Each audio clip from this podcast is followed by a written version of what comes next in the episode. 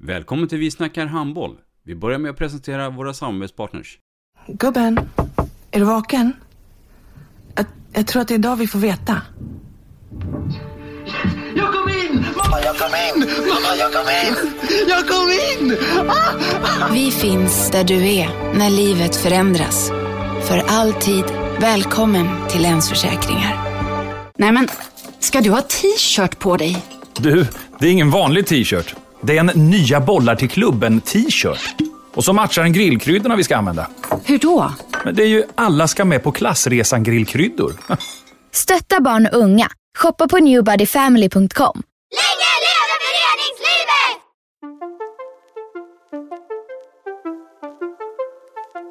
Välkommen säger vi till dig som lyssnar till den nya handbollspodden Vi snackar handboll med Robban Z och Dagge. Vi snackar handboll, där du får veta alla sanningar som du inte visste att du missat. Vi snackar handboll. Idag i programmet Vi snackar handboll så har vi en riktig göteborgare. Eller vad säger vi Dagge? Ja, eller rent av en profil kanske. Göteborgsprofil inom handbollssfären åtminstone. Magnus Bagan Johansson, välkommen. Tack så mycket. Karl Magnus Bagan Johansson. Född 15 december 1969. Vem är det? Ja, det är en eh, handbollsglad kille. Älskar eh, allt som handboll står för. Har lärt mig jättemycket av just alltså vara i miljön handboll. Och då menar jag som människa och sånt. Jag har två pojkar. Sambo lever med sambo Nina.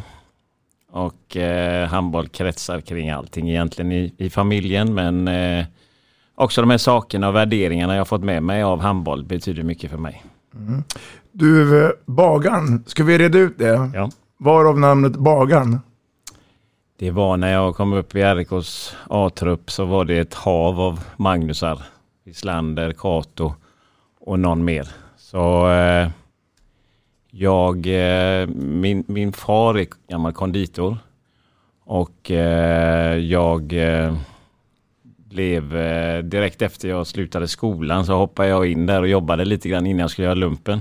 På Dals konditori som det heter i Göteborg. Och det fick de ju nys på då gubbarna att jag jobbade på bageri. Så det blir ganska tydligt bagande. Jag har hängt med eh, genom åren får man ju lov att Ja. säga då. Om vi ändå är inne på RIK-spåret där då. Eh, jag har något svagt minne om att du ändå som spelare var i A-truppen i RIK. Men ändå, väl, du har många år som tränare. Berätta lite om de där allra första åren. Och kanske framförallt övergången från spelare till tränare. Ja, det stämmer. Jag startade ju i RIK i eh, handboll i trean. 20 år senare, han som kom och lärde mig handboll, han var busschaufför för RIKs bortamatcher. Så det var lite så RIK var. Jag har spelat handboll i RIK i hela mitt liv. Till eh, Reine Pedersen och kom och sa till mig, nej nu tycker jag du ska bli ledare istället. Jag hade en liten efterhängsen ryggskada. Eh, så kom eh, eh, ja, men den här årgången med Lövgren, Bäckegren, Branjes. Så jag var för dålig helt enkelt. Så, men han såg väl någonting annat i mig. Vilken position? Mitt nio. Mitt nio, Ja. okej. Ja. En liten spelskicklig typ som kanske inte tränade så mycket som man skulle göra. Men eh, jag fick frågan om att ta över ett juniorlag där 93. Efter att ha varit med som du säger i RIKs A-trupp några år. Eh, och då eh, tänkte jag, vad snackar han om? Det var inte min grej. Men jag fick gå hem och fundera. Så jag tillsammans med Lars Jeppsson, den gamle doktorns son, Paul Henry Jeppsson, och jag skulle ta hand om ett ungdomslag. Eh, Röstan Lundbäck var inblandad där också. Jag tackade ja efter några veckor och eh, 93 någonstans där startade. Så i två år så körde jag ett eh, förlängt juniorlag kan man säga. Vi lät li- lite gubbar vara kvar fast inte vara med i A-truppen utan de fick chansen lite längre. Vi hade någon tanke där om att man kanske tappade eh, unga talanger genom att bara säga juniorålder och så tack och hej eller välkommen till A-laget då. På den tiden hade RIK mycket fina killar i eh, som kom upp i den åldern. Så att eh, ja, där var jag i två år. Sen eh, kom jag ihåg, jag gick till Reine och sa att så nu är det här, Magnus Järnemyr var en av de spelarna där. Nu är de seniorer och fick jag en fråga av Vartas damlag. Eh, Göran Linsgård och Sture Lundgren. Sture Lundgren framförallt som jag var väldigt bra kamrat med hans son i alla år. De sa att nu ska du ta Vartas damlag. Jag var 25 år gammal och de sa fan vad ung du är. Ja, det kan jag inte hjälpa. Det var i princip mina kamrater där i Vartas damlag. Mm. Så de körde jag i två år och vi vann ju elitserien andra året. Och det var en härlig tid. Jag var ju helt galen då med Veronica Isaksson som stjärna. Ja, Cecilia Andersson idag som idag sitter i styrelsen i Blåvitt bland annat. Okej. Eh, det var många härliga spelare och tjejer där som älskade att träna och vi körde stenhårt från första dagen. Men när jag hade varit där i ett halvår ungefär av de två åren så kom Reine och sa att om ett och ett halvt år så ska du in i A-laget i RIK. Ja, tjena, trodde inte jag på. Det var ju eh, ett väldigt långt steg. Men eh, så var Och det. då är du alltså 25 med det här när Reine Ja. frågar? Ja. Ja. Och då så... Eh, ja men så blev det. Två år senare, 97 där, så var jag inne i RIKs A-lag tillbaka igen efter två år i Varta. Eh, Får jag skjuta in där lite? Eh, på, den, på den tiden så ju, får man ju betrakta att du var rekordung som huvudansvarig för ett herrlag. Det var väl inte många som... Eller du måste ju ha varit yngst då, egentligen. jag Eh, vet ju att Per var väldigt ung i kropps också. Så, Ja, men då var ju Kropps som lite sådär pendlarlag egentligen. Ja. Eh, kanske sådär. Men, Men ung var skit, han. ja, skitsamma. Jag, Ja, jag känner liksom hur... Ja, jag var inte för jag menar, gammal. det måste vara mycket dina polare liksom som Ja. du tränade då. Och hur Ja. funkar det att hantera? Jag var ju skitnervös såklart. Jag hade ju polare, alltså Lövgren och Hallbäck och jag, vi umgicks ju jättemycket och sen Mellegård och hela gängen där, Gens, alltså. Det var ju gubbar som jag hade tränat och spelat med varje dag och så t- några år senare då så ska jag stå och tala om för dem vad de ska göra. Det är klart jag var pirrig och jag kommer ihåg jag satt ju uppe på nätterna och verkligen skulle se till så att träningarna blev bra. Men eh, de var väldigt tydliga med att eh, har de sagt till att det är du som ska vara tränare så är det så det är. Då kör vi på det. Så att jag... Eh, ja, en fantastisk tid men eh, professionella killar givetvis. Ja. Mitt minne med, eh, med Bagan Dagge, det var ju eh, faktiskt under den här tiden med, med Varta. För jag ser framför mig, du står på Vallhamra och coachar laget i Partille Cup. Den här lilla ljusa killen. Och eh, jag vet inte om, om jag minns rätt, men, men du var ju extremt engagerad. Eh, jag vet inte om du köper det jag säger. Det gör jag. Mm. Det vill jag vara fortfarande. Men eh, det är klart att eh, med erfarenheten blir det väl lite filter och sådär. Mm. Eh, då var det ja, då var det otroligt engagerat. Ja. Mm. Eh, vi, vi hade ju Peter Gensel här som, som, som gäst. Eh, och det programmet har vi redan släppts. Eh, som också kommer från den här bakgrunden som dig där. Och han, intressant historia faktiskt. Som han berättade och han var late bloomer och hela den biten och sådär. Men han tryck otroligt mycket på eh, betydelsen av Ola Li och eh, Reine Pedersen. Eh, berätta lite runt det. Vad gjorde de så in i helvete unika liksom? Ja, men jag får... Eh, Gåshud. ja, faktiskt. Jag har otrolig respekt för de två. Som kamrater, eh, vänner. Otroligt kunniga. Så respekt för deras kunskap om hur man behandlar människor. Men kanske framförallt hur man vinner. Eh, vad som krävs för att göra det. Hur man bygger ett lag.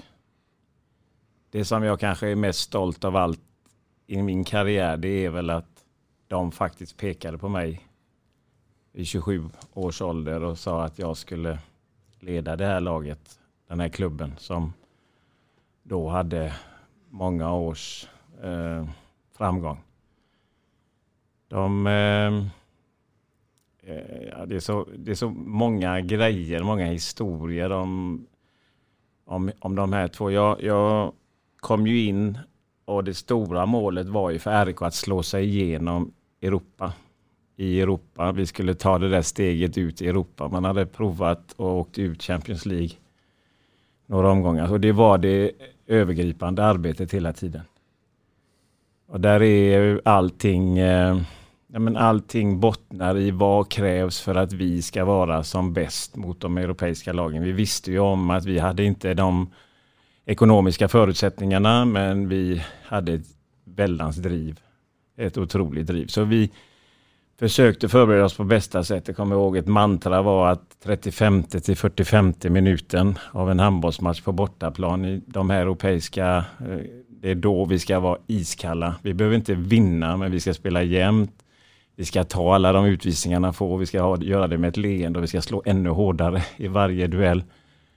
Kom vi fram till och sakta men säkert många års erfarenhet av det gjorde att vi till slut lyckades spela Champions League kvartsfinal och komma till cupvinnarcupens final. Slå ut Lemgo som var de stora elefanterna i tysk handboll då de vann överlägset Bundesliga. Och glädjen där och då i det hotellrummet i Tyskland på de här två herrarna. Det är något som jag alltid kommer att bära med mig och framförallt unna dem. Jag har, eh, och det är fina människor och fina vänner än idag. Skulle du säga att de två, de här två männens styrkhet, styrkor snarare är som ledare än som eh, att uppfinna liksom kombinationerna i handboll? Eller är det både och? Jag vet inte om du förstår uh, frågan där. Ja men det är ledare, stora ledare ja. och få ut det bästa ur varje individ. Fast framförallt bygga ett lag. Vad är det vi behöver och hur behöver vi uppföra oss? Hur behöver vi uppträda mot varandra? Hur, alltså de här vardagliga grejerna. För att vinna. Mm, mm. Och uh, jag har en härlig, en härlig minnesbild av Reine när vi var nere i Slovenien och vi visste om att är vi med i matchen och sätter tryck på dem, fullt, fullt i hallen och sådär så, så ja, men då kommer de här alla, de hade gröna kavajer, alla deras styrelsefolk. Och jag vänder mig om när vi har lika med tio minuter kvar ungefär, då börjar deras eh, styrelsefolk bli oroliga. Så de står 15 stycken med gröna kavajer kring den här delegaten och ska sätta press på, på honom. Det var bara det att det var en med blå kavaj som stod i mitten av alla de här. Där stod Reine och puttade bort de andra. Så, så mycket krävdes det och det var han ville att göra. Och, ja, det var häftigt. Ja, mm. Kul. Du, eh, det var våren 2003 med cupvinnarcupen för RK. Mm. Sen i din lilla karriär så händer det någonting. För att eh, du tar en sväng till Danmark. Ja. Berätta. Ja, jag hade varit sju år i RIK, spelat sju finaler och vi har vunnit fyra av dem och de tre vi inte vann, då var det, ja, det var ju kris. I princip. I, I min kropp och i alla vi som jobbade med det. Men man ser tillbaka på det på idag så var ju det något idrottsmässigt väldigt stort. Jag det var drott. Drott var stora mm. och så Sävehof sista omgången ja. då med Laron och Kim. Men drott med Magnus Andersson i spetsen som trots att han var så bra alltid spelade i Sverige. Mm. Vad man kan mm. komma ihåg. Liksom, alla de andra var ju utomlands men han var där och vi fick då bygga två olika lag som vi gjorde först med Lövgren och, och Vranje som jag kom in i slutet på men sen det nya då med Bokvist och Lindén och bröderna Franzén, Hallbäck. Så Vilket gäng! Mm. Ja, det var unga killar som blev alltså som ville träna och, och jobba hårt och sen stannade de länge gentemot idag. Jag menar, Lögren var väl 27-28 när han gick. Ensel som du pratade om innan var väl nästan 30 när han gick. Så, mm. så funkar det ju inte idag. Alltså den kvaliteten. De hade ju slått igenom och mästerskap och så. Så allt det där. Sen så fick jag förfrågan om att åka till Danmark. Mm. Och eh, träna ikast som det hette då. Och det var ju en annan värld för mig. Det var ju mera kommersiellt på något sätt. Det var mera, de var duktiga på att göra happening kring det. Damligan där var det ju mellan 6 och 10 utländska spelare i varje lag. Vi var väl det fjärde budgetlaget i Vans Lägelse med Anja Andersen och Viborg och Ålborg som var lite före. Men det handlade, handlade om showbiz mycket. Men också om de bästa spelarna i världen. Förstod du det? Eller, eller kom det in senare? Just det här med showen och... och... Ja, men jag kommer ihåg vi, vi, vi skulle spela cupfinal i, i, i eh, Århus Arena som var ganska nybyggd där. Mm. Kom dit mitt under herrmatchen och jag hade fått till mig att herregud det ska vara så stort och fullt och sådär. Och det var knappt halvfullt när herrarna spelade. Så jag sa, vad är vad, vad, Lugna dig sa de, vänta lite ska du få se. Mm. Och så spelade damerna efteråt då i våran match och det var knökat och ett fantastiskt spektakel. Så det var, det var jätteroligt att, att komma till det, alltså till den världen med eh, handboll på yttersta världsnivå. Men kanske på en liten annan insikt än vad det vi i- ändå i Lilla håller på med. Var, var du heltidsanställd då? Eh, Ja. Ja. Jag blev det mitt andra år som tränare i RIK också. Så de, de sista fem åren var jag heltidsanställd i RIK. Och har jobbat med det sedan dess, handboll. Du har ju eh, varvat lite mellan, me mellan dam och herrsidan. Du har haft Varta och Sävehof och ICAs damer och sådär. Ja. Va, vad känner du själv att du är? Eller är du både och? Nu är jag herrtränare i RIK igen. Ja. Och jag är både och. Ja. Jag tycker eh, det har- varit oerhört lärorikt. Jag menar, jag har fått träna ja, Löfgren, Wislander och Bokvist och Gro Hammersäng och eh, Njago och Kan det rent av vara fördel? alla de här. Ja. Så man har ju fått känna på de som styr den här sporten, både manliga och kvinnliga. Mm. Ja, det är en fördel. För jag tycker jag har lärt mig otroligt mycket av bägge, båda sidor. Mm. Alltså taktik, sätt att se på träning, sätt att se på en professionalitet som finns kring hur du ska sköta din kropp av de här yppersta världselitspelarna kontra de unga killarna då som kommer in och där det är skola och, och video eller gaming och sånt där va. Eh, Och få det till att men passa ihop med en elitkarriär. Så jag har lärt mig jättemycket av bägge delarna. Och, Sen flyttar du till Lund. Två år om jag... Eh, jag pendlade till Lund Ja. i två år. Eh, hur var det att ha en göteborgare i Lund då? Ja men alltså det var här, en härlig klubb. Det var annorlunda än RIK givetvis men en mycket fin klubb och fina människor runt omkring. Det, så, det var lite slitsamt att pendla Mm. fram och tillbaka. Man var inte där man ville vara liksom. Jag hade min familj här hemma. Och, Det var på ditt bevåg att, att eh, välja att pendla? Eller vi- ja ville- det var det för min familj ville hem till Göteborg efter Ja. Danmark.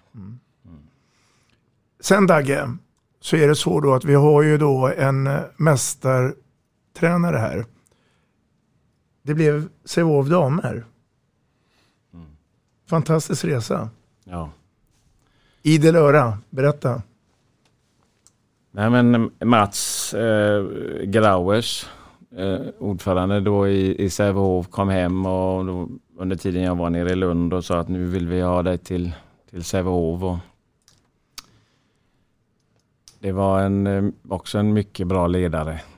Väldigt strukturerad och visade, liksom visade med sitt engagemang och, och närvaro en, eh, ja, men ett lugn som man som tränare behöver. Att, eh, I RIK var det som de här herrarna vi har pratat om innan, då, Ola och Reine. Och I Sävehof där på damsidan så var, det, så, så var det Mats som liksom man kunde alltid ringa honom och han talade om och lyssnade på en och sådär. Det är oerhört viktigt. Han var alltså det- ordförande vid den tiden? Ja, ja. Det, nu är han ju Frölunda Ja. Hockey. Och, ja, men det är viktigt i dagens läge som tränare att du har någon och, som du litar på och kan prata med. Och, Har du någon kontakt med honom idag? nej, det har jag inte. Jag ser honom. Han följer ju Frölunda och han har ju fantastiska meriter och Mm. lyft upp den klubben till en fin nivå. Så att det, och det förundrar mig inte, utan det är så han är.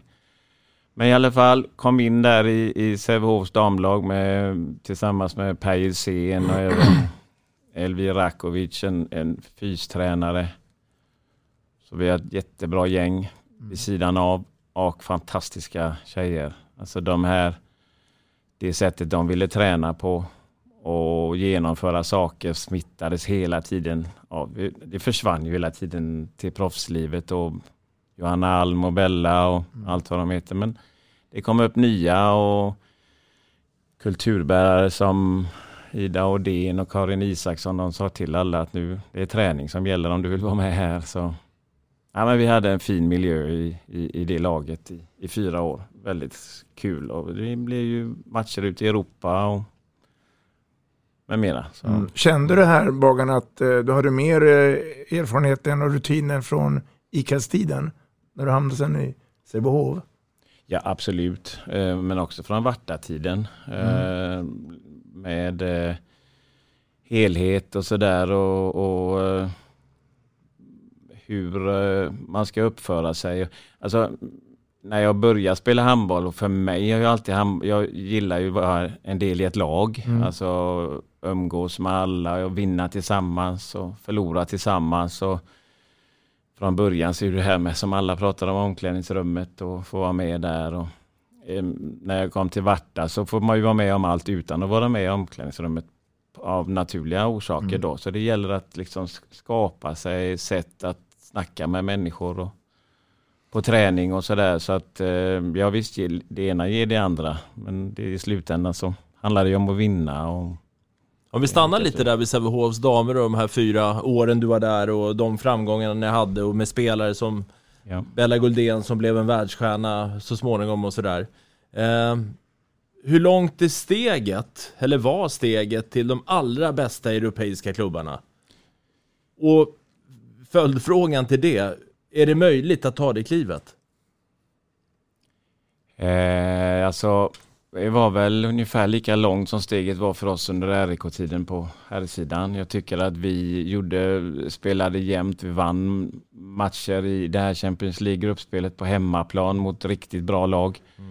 Eh, vi slog väl ingen så när det var liksom utslagsmatcher på det viset utan men eh, jag tror att det hade behövts kanske någon till av riktigt, riktigt eh, högkaratklass liksom som, som hade varit med om den delen för att vi skulle kunna göra det. Så att, jag tror inte det är så långt ifrån. Alltså Mm. det, det, det, vi, vi tog skalper där och vi gjorde det med, på RIK-sidan där med, med de här riktiga stjärnorna. Men att göra det över tid och göra det så att man är där uppe hela tiden.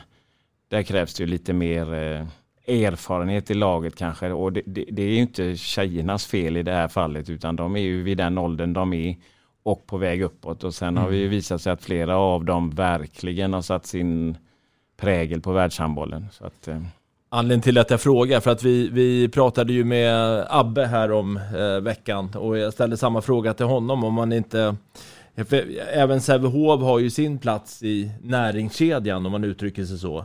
Eh, om man inte var sugen att liksom svara upp när de utländska klubbarna liksom köper Sävehofs bästa spelare, att inte kunna svara upp och liksom verkligen ta det här sista klivet att bli toppklass i Europa liksom. Eh, lite grann det jag var ute efter. Eh, men det är ett sidospår i och för sig. Ja, men sen är det också det att, och den resan har jag ju tagit också, att ta sig ut i Europa, prova på de här sakerna, det unnar jag alla spelare. Att, att liksom se vart det här spelet ger, bär dig. Alltså du kan få smaka på andra kulturer och leva i andra länder och allting sånt här. Va? Så att det, det hade alla i den som jag hade i första året i Sävehof stannat kvar under en tid och, och, och, och kryddat med någon spelare, ja men då, då hade det varit riktigt på allvar. Mm. Men samtidigt så är ju det också det att under de fyra åren i Sävehof där så visste vi ganska på förhand när vi skulle vinna matcher i elitserien och inte. Och då kan du själv tänka dig för de här stora namnen där att skillnaden med att åka ut till Europa och, och spela riktiga 100% fighter varje helg Mm. istället för kanske ja, så var sanningen och Mm. så var verkligheten på det viset. Så givetvis ska de ut och prova sina vingar. Fyra säsonger med Sävehof damer. Mm. Eh, och det är perioden då 2008-2012. December 2010 händer något speciellt. Jag har en bild framför mig där den här ljusa lilla knickedicken Bagan Johansson hoppar upp i, i famnen på Per Johansson. Det blev en liten landslagsverksamhet där också under den tiden. Ja, det blev det. Och eh, eh som du säger 2010, det var en liten saga. Mm. lite kul, jag såg den här dokumentären här som var nu mästerskapet i december, tioårsjubileum. Tiden går fort. Hur, hur, hur hamnade du på det spåret då? Ringde Per dig eller? Jag tror vi, jag, jag är ganska om jag kommer ihåg det rätt så, så möttes vi på inne på stan. Jag vet inte om det var något, eh, jag tror att det var ett bröllop faktiskt. Mm. Om jag inte kommer helt, eh, Eh, missminner mig helt. Och då var just i det tillfället där han hade fått eh, förfrågan om att ta över och jag hoppade in som stand-in i en, i en eh, träningsturnering innan Uffe och Per hade ett mästerskap. Och nere i Paris och vi vann den mot bra lag och sådär och vi tyckte det var kul att jobba ihop. Så Per frågade mig när han sen blev tillfrågad till förbundskapten om vi ville köra ihop och ja, det var kul. Vad tänkte du då? då? Spontant? Jag tänkte att då var jag ju Sävehofs damer så det, det passade ju bra där. Eh, och då att eh, hänga på där för att fick man liksom verkligen den internationella delen i det hela. Eh, men det var ju jättekul och ett väldigt fint minne med, med den resan vi gjorde där. Med ett rejält försvarsspel och kontringar och riktigt rejält försvarsspel. Det är härligt. Och, och, och Norge blev Europamästare. Ja, vi tog ju dem i gruppen där Ja. ganska klart först och, och, och- ledde ju med ett i paus, och, eller om det var lika.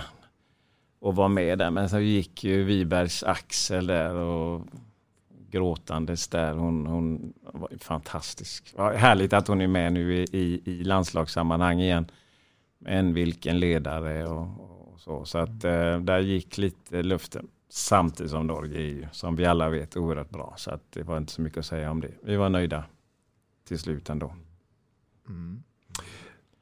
Du Bagan, ehm, då går vi tillbaka till det vi pratade lite grann förut. Eh, ibland herrverksamhet, ibland damverksamhet. Det blev Sävehof herrar efter Sävehof damer. Ja, Varför då? de hade frågat ett tag, Sävehof, och eh, ville det. Så ja, hoppade på det. Kände du det, att det var ett, då ett bra beslut? Eller med facit hand, skulle du gjort något annat? Lämna Sävehof? Eller? eh, Sävehof- nej, jag hade ju jag hade skrivit på, alltså förlängt med damerna. Trivdes jättebra med det. Men eh, frågan där var så skarp och de ville att jag skulle göra det, föreningen. Men eh, det var ett tårfyllt avsked av damerna. Det var en fin tid och, och som berörde mig väldigt mycket. Eh, men eh, hoppade på det så där och då var det för jag ville också ställa upp för klubben som hade varit där i fyra år och tänkte att det är nog inte så dumt att tjejerna kan få någon ny röst också. Mm. Och eh, att jag provar något nytt också. Så Mm. fungerar det ju. Dagge, när, när man hör det här och vi har ju pratat om det, du har rätt många gånger.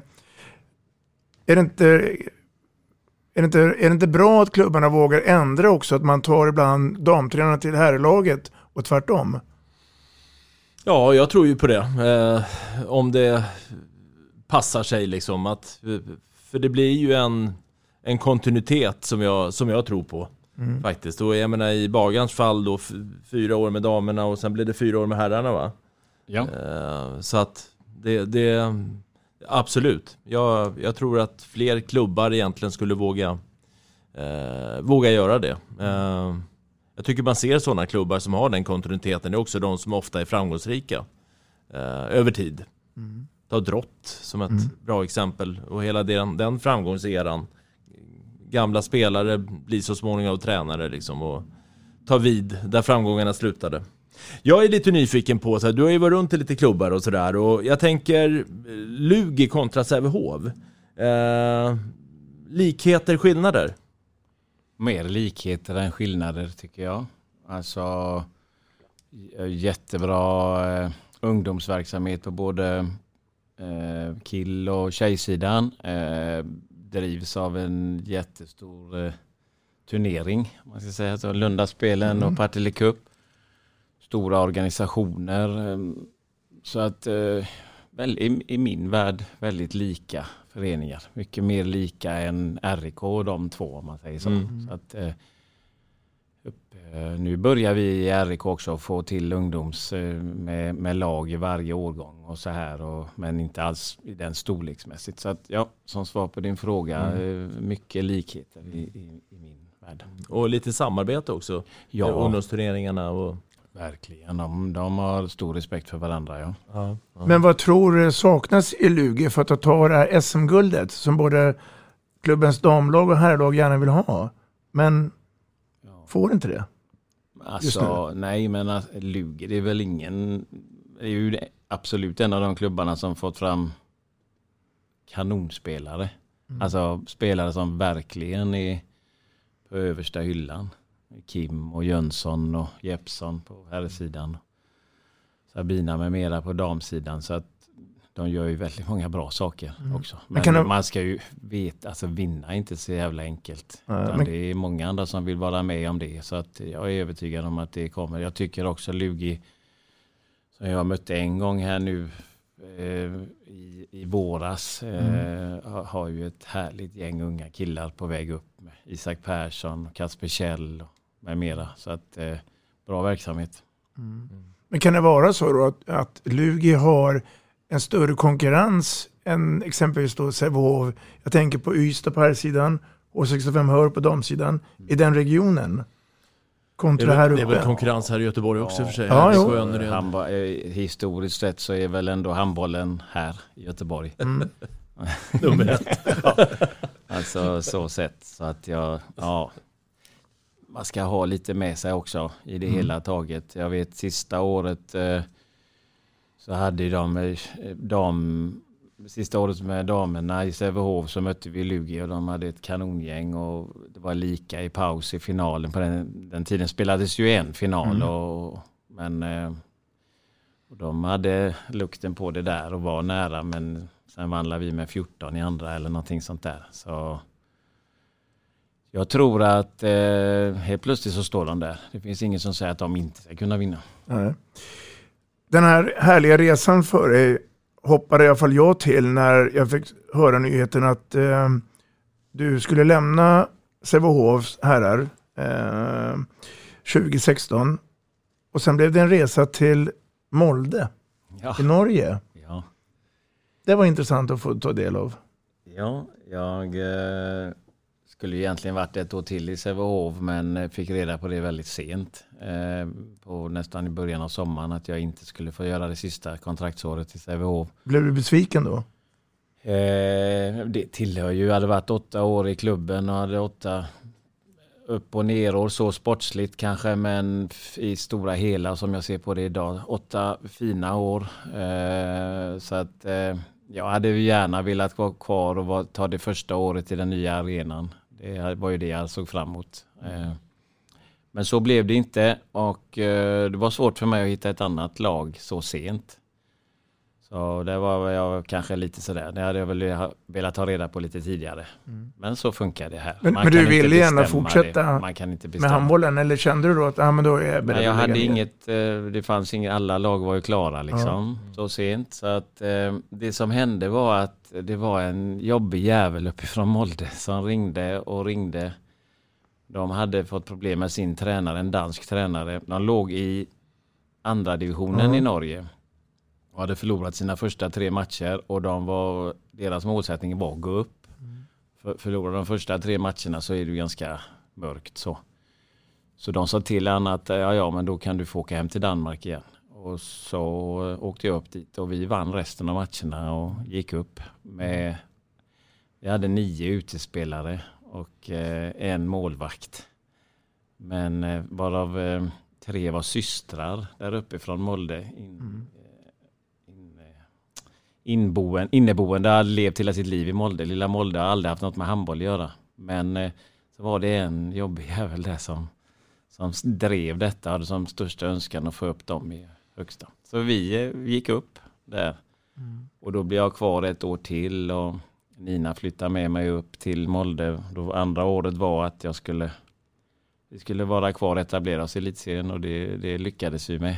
Mm. Är det här samma tidsperiod ungefär som Seko var i Fredrikstad? Ja, ja vi ja. möttes i, i den och båda vi gick upp. Ja, okay. Så att, eh, jag kommer ihåg vi möttes i näst sista matchen och hade vi spelat oavgjort så hade båda gått upp. Han jagade mig innan matchen och jagade mig i halvlek. Helvete Borgan, vi tar oavgjort och så är allting. Mm. Men vi hade en svår sista match och de hade en ganska enkel sista match. Så att eh, vi nöp dem där sista också. Göteborgs batalj. Men vi var jävligt glada att CK de klarade det också. Så att ja. båda lagen gick upp. Och, eh, ja, men vi hade det fint uppe i Molde och, och allting sånt. Det var, ett, var ett, eh, ett härligt liv där uppe bland fjällen och fjordarna. Och, mm. Mm. Härligt. Nu har du varit med i IKAST, Sävehof och Molde. Tre olika ligor tre olika länder. Är vi i närheten av Norge och Danmark, den svenska handbollen? Eh, eller är det så att eh, vi, vi, vi underskattar de andra nationerna mer? Eh, alltså, ja. alltså, jag har ju varit i Norge och Danmark med på damsidan och det är ju där jag kan uttala mig. Eh, damsidan i Danmark var ju väldigt länge sedan, men i Norge så är vi en bit ifrån, tycker jag. Mm. Jag tycker att eh, i, men det är också så här att i Norge så är ju damlandslaget i handboll, handbolljäntan som de kallar det för, är ju så otroligt stort. Mm. Det är ju mm. skidåkning, ja ni vet alla mm. de sakerna, och så är det handboll. Mm. Och handboll att få stå där när den eh, nationalsången och det. Du, du vet om att du är det laget som alltid spelar finaler. Mm. Så alla brinner för det så oerhört mycket. Så att eh, jag tycker att eh, de unga tjejerna, jäntorna som är där uppe, de är fantastiska på att träna. Om svenska spelare får erbjudande att ta sig till Norge, mm. tycker du då att kör bara? Ja. Eh.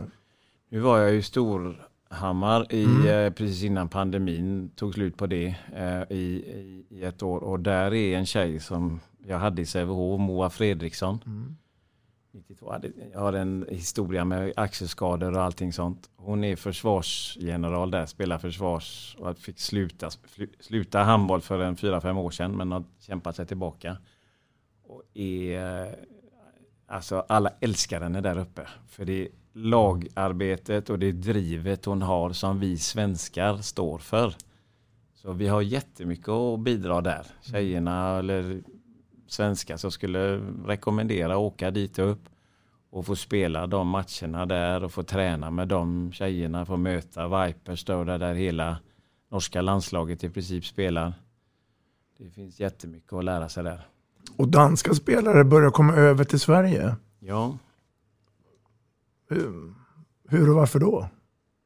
Ja, jag vet faktiskt inte riktigt. Jag, jag eh, alltså topp, topp, gärna tycker jag. Mm. Alltså det här riktigt där de liksom kan lära de unga tjejerna någonting. Alltså vad det innebär att träna med mera och leva som en elitidrottskvinna då. Eh, det, det ställer jag upp på. Men inte allt för mycket. Jag tycker att eh, vi får vara försiktiga med att vi måste ha plats för våra egna.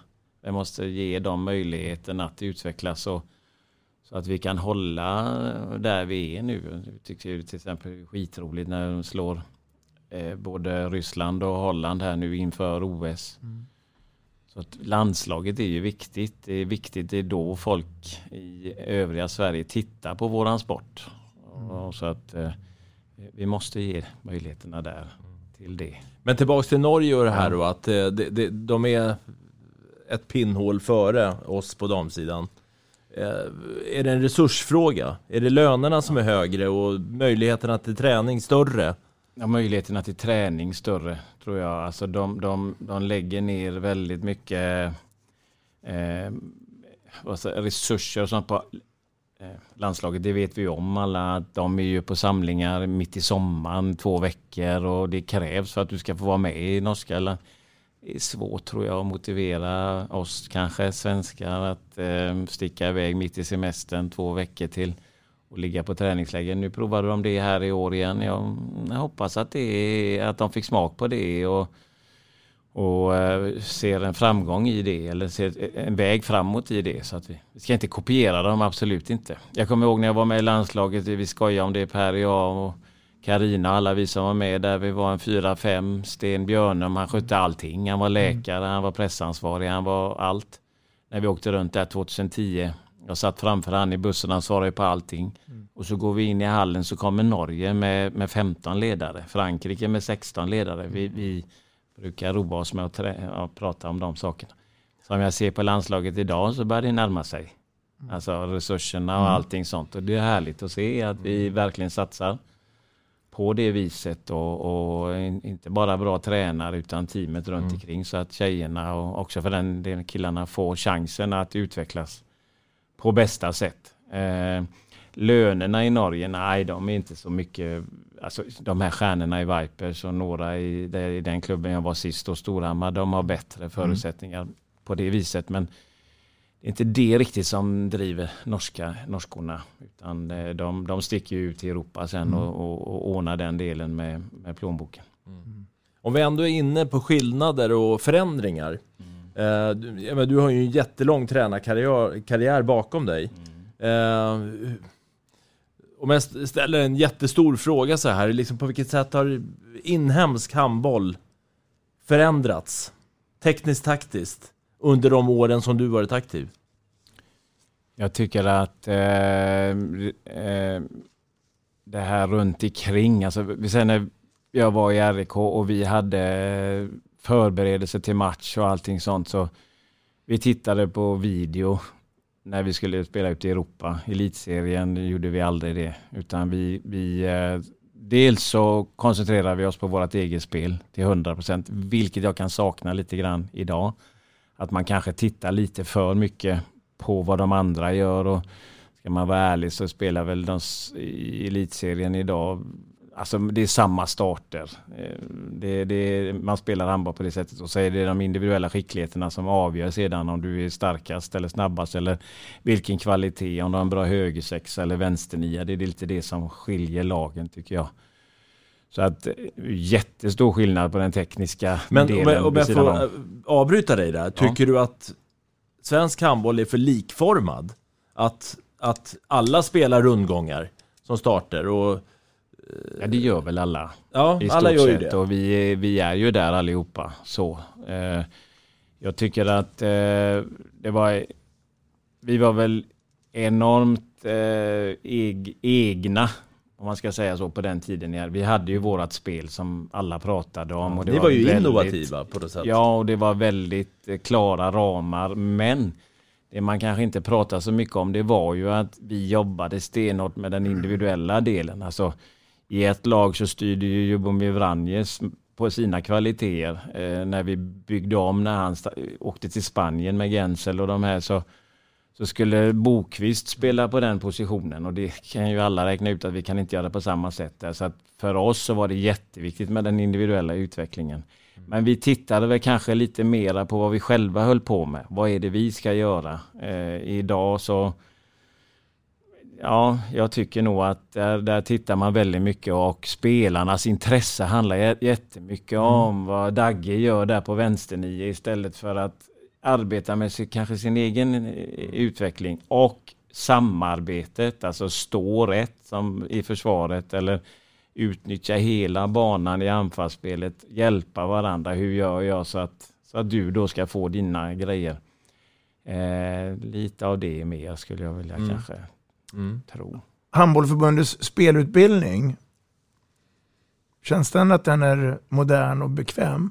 inte så insatt i den faktiskt. Jag har mm. varit lite ute nu så att uh, utifrån svenska handboll där. Så mm. den, den, den uh, har jag svårt att uttala mig om faktiskt. Om, om frågan kommer från handbollförbundet att uh, hej Magnus Bagan Johansson, vi skulle vilja ha dig som förbundskapten för något ungt landslag. Känner du sugen på det? jag har fått frågan i 20, över 20 års tid Tjolle har ringt flera gånger. Mm. Eh, och det har inte riktigt passat för att jag har en familj, jag har ett liv vid sidan om. Och när du är elittränare så är det liksom hela året och oftast så är det hela sommaren som den här delen har varit. Mm. Jag vill inte låta stöddig eller någonting sånt men det, det har inte Alltså jag vill få allting att passa och just den delen har, har inte, jag har inte fått till det. Ja, här snackar vi handboll så du får se precis vad du vill. Du, innan Dagge ska ta in dig i äh, äventyret med RUK då, modern tid, eh, så är jag lite nyfiken bara att eh, höra med Bukarest. Ja. Där var det en sväng Ja. i Rumänien. Ja. Det är alltså då mellan Molde och Storhammar. Ja, jag, eh, detta var ju sent på sommaren. Det var Partille Cup när vi var hemma som detta gick på några dagar. Mm. Eh, och jag sa till Nina att eh, har du lust att hänga med mig till Bukarest? Vi skulle ju egentligen vara i Molde två år till. Mm. För det här, om du har det så gör vi detta för det här får vi prova. Mm. Och det är jag glad att vi provade. Mm. Men det var väl inget för varken mig eller oss. Så. Nej. Är det någonting du vill avslöja under tiden i, i Bukarest? Nej, men alltså det var väl sättet eh, hur man ska uppträda och, och vara som ledare som var ganska stor skillnad eh, just där och då. Mm. Jag vet, ja. Och så var det ju upp, det var som de sa, de, var, de, de gjorde det på sitt sätt och, och jag menar jag vill absolut inte ha det ogjort 5000 eh, när vi spelade hemma Champions League mot eh, Budapest där i första matchen. Det, var, det är något jag aldrig kommer glömma. Det var vilket tryck i, i polyvalent, så alla polyvalent. Jag trodde du skulle säga 5000 per träning i, i cash. Är, är, är, tror du på deras framtid eller tror du att det är någon som står och pumpar på hjärtat att en vacker dag kommer det inte hålla eh, den satsningen Bukarest gör? Eller? Vet inte, jag eh, har ju själv en eh, eh, sak med dem fortfarande juridiskt. Så Nej, jag, jag, det vet Nej. jag inte. Men det, jag, det spelar ingen roll. Jag, vi var där i fyra månader. Jag var veckan innan jag fick sparken så var jag världens bästa tränare. Och, Mm. Men det var de öppna med att det, är, eh, det, det brinner i ådrarna, blodet pumpar och det är vinst och är det uppe i taket och är det förlust så är hela världen sådär. Så att det, var ett annat sätt att se på det. Och just hur man skulle behandla spelare och allting där, det, det, det, jag, jag fick inte till det. Att, vara, att de skulle vara rädda för mig i, i, i två timmar varje, varje träning. Det, det var vad de tyckte var vägen till framgång. Jag tycker inte det. Men du gick in i det här projektet med öppna ögon och var medveten om att Ja, jag det- kan få sparken när som alla helst. gånger och det Ja. var ju det var ju eh, ja, det var ju en, en varje år och några år var det två tränare som fick gå. Så att eh, jag eh, gick in med det med öppna ögon och, och eh, jag eh, klandrar inte någon. Och jag, vi tog den möjligheten att göra det och det tog slut efter fyra månader. Mm. Och så, var det med det. Ja. Ehm, du är tillbaka i RIK. Ja. Du lämnade 2004, om jag är Ja. rätt underrättad, när bra. RIK är på absolut toppen av eh, egentligen, om Mm. man tittar i historieböckerna. Mm. Böckerna. Du kommer tillbaks coronaåret eh, 2021 i vintras Ja. eh, till delvis ny förening. Alltså framgångsmässigt. Det, Under de här 15 åren så har RIK blivit ifrånsprungna av Sävehof eh, och kanske andra, eh, Kristianstad Ja, och så vidare och så vidare. Alingsås. Ja. Alingsås, precis. Mm. Hur känns det och, liksom, och vad, vad beror det på? Att det har blivit så? Eh, Hur det, alltså först hur det känns för mig så är jag ju skitglad. Eh, Det, det gick jättefort. De, Henke Lundström som jag då tränade, lite speciellt och roligt. Och Tony Larsson kom hem och sa att eh, vi vill att du ska börja träna från, eh, från och med nästa vecka. Detta var i december då, 2020. Och det sa det är klart jag vill göra det. Och, och, eh, för det, RIK betyder så mycket för mig. RIK, RIK är där jag som liten grabb fick lära mig att spela handboll till vara som spelare och mest då på bänken men ändå hur, hur det gick till att vara bland de bästa och sen flera år som tränare. Så det har ju format mig den jag är idag, alltså som människa och allting och jag ska uppträda mot alla andra och det, så det, det, betyder jättemycket. Så, så jag sätter mig, hoppar upp på cykeln och cyklar till träningen varje dag. Det är en underbar känsla. Du känner att RIK är din moderförening? Eller är din, din förening? Moderförening är det ju. Men... Ja, stämmer Dagge. Det, så, exakt så är det. Det är min förening i hjärtat. Och jag nämnde Lars Jeppsson innan, eh, Mats Winqvist. Vi började spela handboll tillsammans. Han har varit målvaktstränare i 15 år där nu tror jag.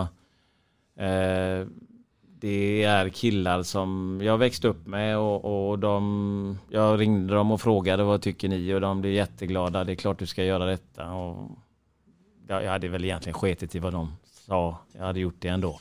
För så mycket betyder det för mig. Det här eh, att, att eh, men RIK har ett eh, väldigt starkt varumärke fortfarande. Vi ska bara få Men man har tappat vinster. mark. Verkligen, man har tappat mark med, med från att spela final varje år så har man inte gjort det sedan 2004. Så det är klart att det, det man ser på RIK på ett annat sätt idag, givetvis. Men eh, jag ser också olika saker på ett annat vis. Jag gillar utmaningar och jag tycker att det här unga fräscha eh, laget som är där idag. Det, det vill jag hjälpa till om med min kunskap och bjuda tillbaka allt jag har fått av den här klubben. När, när du var liten eh, och eh, den första svängen i eh, RUK, Mm. vad höll ni till då någonstans och tränade? Eh, vi var i svingen, och sen var vi en sväng. Eh, men sen sista åren jag var tränare var vi i Rosendalshallen där Mm. vi håller till idag. Och det är hjärtat. Ja, det, är- Ja. det är hjärtat som jag, jag har en fem minuter med cykel dit. Mm. Det, Och om några veckor ser du seriestart. Ja. Mm. Och vi vet den här diskussionen med hallproblematiken. Mm. Eh, vad är det senaste vi vet? ja, att jag inte vet. Nej. Nej. Kan det vara så? Nej, det ska ju och- vara möten och sånt här nu här, precis när semestern är slut. Det är det jag har hört. Så att eh, det är ju, men Skandinavium har vi ju fått tilldelat oss då va. Så det är ju tre år sedan Lisebergshallen rivdes. Två år innan den skulle rivas så vet man om och vi ska få en fullvärdig ersättningsarena. Men fem år senare står vi där och vi har ingenting. Vi har ingen, ingen, eh, ingen vetskap riktigt. Det, det är väl eh, aningar om sådär. Det är klart att det kommer lösa sig. Vi kommer spela i elitserien och, och sådär. Men eh, ja, det är en speciell situation. Mm. Jag tänker på en annan sak. Eh, när jag tänker på RIK så tänker jag betydelsen av handbollsgymnasiet. Mm. Eh, Samma tanke har jag också. ja, eh, det finns ju en risk här, eller det är väl en, en politisk motion som säger att, att riksgymnasium i alla idrotter ska försvinna på sikt här. Eller eh, inom ett mm, två, treårsperiod. Ja. Eh, kommer det drabba RIK negativt? Eh, om det blir färre handbollsgymnasium i Göteborg, inget riksgymnasium. Eh, och för att om man tittar i historieböckerna så har ju RIK fått väldigt, väldigt mycket av de allra bästa talangerna, och Sävehof också naturligtvis, som, som har velat hamna nere i Göteborg som nybliven 16-åring. Ja. Vad har du för tankar kring det? Jag sitter och tänker på när vi var riktigt bra med RIK så tror jag inte att det var så många som kom den Nej. vägen. Utan det var ju väldigt mycket göteborgare. i eh, Ja. Lövgren, eh, Hallbäck, Jensel-generationen men även i Bröderna Franzén och, och sådär. Eh, Och jag är, har väldigt mycket tillit till den ungdomssatsning och det som RIK är igång med nu. Alltså det har eh, jobbat stenhårt. Både ledare och en ny styrelse som jag har, har träffat nu av naturliga skäl och tror på. Eh, Finns dina förebilder i periferin?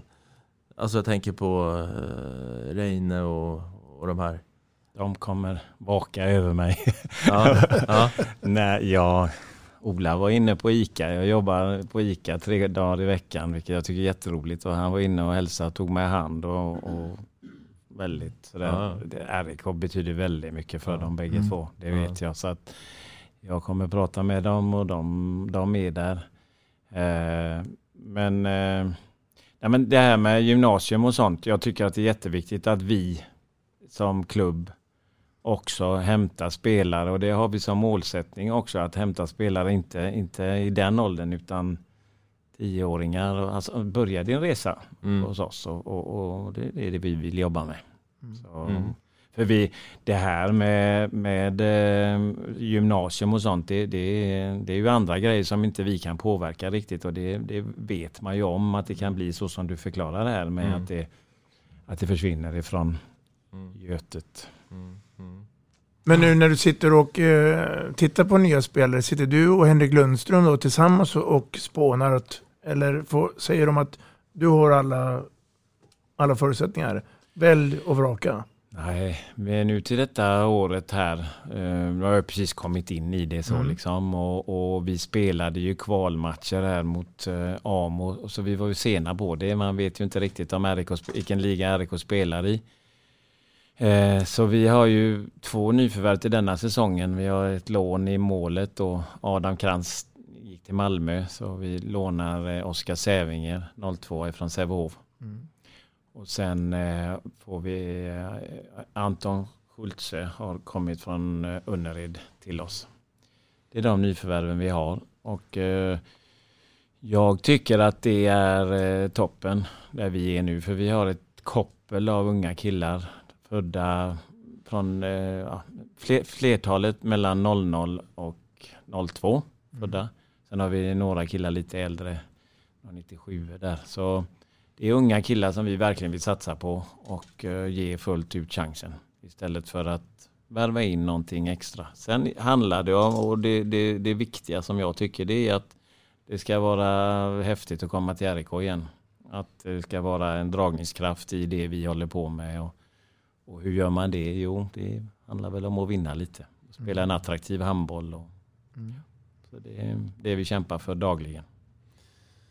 Ja, eh, sneglar lite på klockan och börjar se att tiden börjar rinna mot sitt slut. Eh, jag har ändå några avslutande eh, inspel. Eh, jag skulle vilja veta, och jag tror att våra lyssnare är intresserade av, att om du Bagan tittar tillbaka snabbt på din karriär, vad är du mest stolt och nöjd över? Eh, Det är eh, cupvinnarcup-silvret i, eh, med RIK 03. Mm. Resultatmässigt. Eh, så sen är ju alla, alla åtta SM-guld betyder ju lika mycket eller inte. Liksom det, det, det är svårt att ta ut någon extra där. Men, eh, ja, men som Storhammar nu här som är nära in på. Vi, eh, Vipers de vinner eh, Champions League denna säsong ganska överlägset. Förra året när de skulle spela hem serien hemma hos sig så kom vi dit med Storhammar och de kunde förlora med sju mål och vi slog dem med elva. Eh, de här stjärnorna och det som händer i ett lag de som aldrig har slått Vipers. Det, det, när, när, när taktiken sitter där och allting faller på plats. Det är i närtid en sak som är. Sen hoppas jag att jag har många grejer framför mig också. Om vi tittar Jag, på... jag trodde du tänkte säga när du slog Skåne eller Fyrishov. Eh, Sävehofs herrar, men du valde något annat. Nej, om, om vi tittar på spelare då, Ja. eh, eh, både på kill och eh, tjejsidan. Är det några spelare du känner att de här vill gärna lyfta fram som har gjort en fantastisk resa med hjälp av dig? Ja, men jag vill lyfta fram... Eh, det är svårt att säga. Jag är så glad och stolt över att få vara i samma lag som de här Gro Hammerseng och Bella Guldén och hela de här andra nämnen vi har nämnt i den här snacket idag. Eh, Magnus Wislander, när han kom hem då eh, 02 där och vi- vi var ju kompisar innan och spelade lite i samma lag men ändå. Han hade 12 år i Kiel, alla de åren i landslaget och helt plötsligt ska jag träna honom. Men han sa väldigt tydligt att du är tränare och jag är spelare så nu kör vi. Så jag har ingenting som jag har lärt honom så utan jag, jag ser det som att jag har fått vara med om en härlig resa. Och jag är också jävligt stolt över att jag inte var en storspelare men ändå har fått den här karriären som tränare. Jag tycker att, eh, Ja, man, eh, jag har jobbat hårt för det, slitit för det och, och utan att ha egentligen ha haft något namn innan fått eh, de här 25 åren och jag hoppas några år till i, eh, på den här nivån. Det är jag stolt över. Där har du en likhet mellan eh, er två. För att du Dagge var ju inte heller någon världsspelare. Men inte heller någon tränarkarriär att prata om kanske. Nej, men lite grann. Du, avslutningsvis bara då, eh, Svenska Cupen. Ja. Vad tycker vi om det? Jag menar jättebra. Norge, Danmark som jag, vi pratat om innan, där är det jättestort. När vi spelade norska cupfinalen här nu för ett och ett halvt år sedan. Fantastisk upplevelse. Jäkla tryck i hallen. Det vill vi få till. Mm. Vet inte det här med shootout innan bara. Vi får se. Vi ska ha öppna ögon och, och, och eh, ge det en rejäl chans för att det är eh, kan bara få lite utav det de har där så är det kanon för sporten. Så låt oss satsa på det allihopa. Bra. Från eh, mig och eh, Dagge, Magnus Bagan Johansson, tack så mycket för eh, att du eh, tog dig tid till oss här på Vi snackar handboll. Tack själva, det var jättetrevligt och eh, kul. Mm, tack, tack.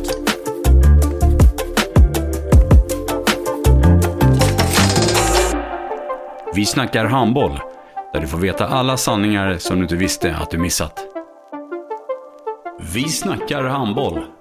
Vi snackar handboll produceras av produktionsbolaget High On Experience, från vision till passion. Ett avslutande tack till våra samarbetspartners. Hallå! Kommer ni eller? Ja, ja.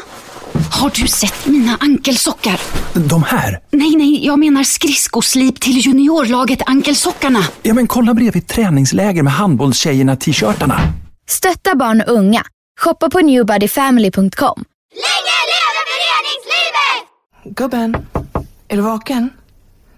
Jag, jag tror att det är idag vi får veta. Mamma, jag kom in! Mamma, jag kom in! Jag kom in! Ah! Vi finns där du är när livet förändras. För alltid välkommen till Länsförsäkringar.